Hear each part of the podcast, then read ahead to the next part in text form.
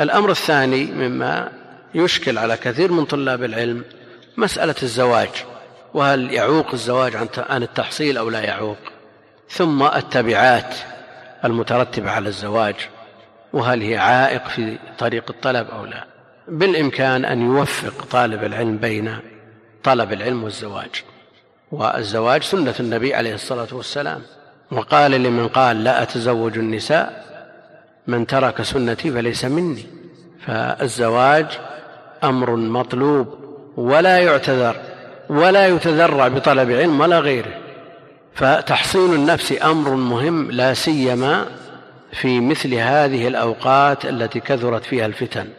وبالتجربة وجد أن الزواج خير معين على طلب العلم. إذا ارتاح طالب العلم نفسيا وانقاطعت عنه الهواجس والخواطر فإنه يقبل على طلب العلم والزوجة الصالحة تعينه على أمور دينه ودنياه فليست عائق عن طلب العلم وهذا أمر مجرب ومشاهد. ثم بعد ذلك التبعات تبعات الزواج من النفقة على الزوجة والأولاد.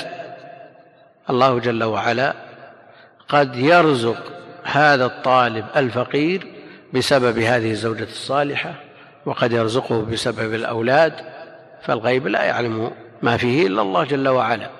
وكم من شخص أقدم على الزواج وهو في مرحلة الطلب وأعين على ذلك. إن يكونوا فقراء يغنيهم الله من فضله. قد يقول قائل الله جل وعلا أيضا يقول وليستعفف الذين لا يجدون نكاحا. العفة مطلوبة الذي لا يستطيع أن يتزوج لابد أن يتعفف. لكن هذا مع الاستطاعة ولو باقتراض أو استدانة أو ما أشبه ذلك. لكن على طالب العلم أن يسدد ويقارب. هذه من من الإشكالات والمشاكل التي تعترض طلاب العلم في طريق الطلب.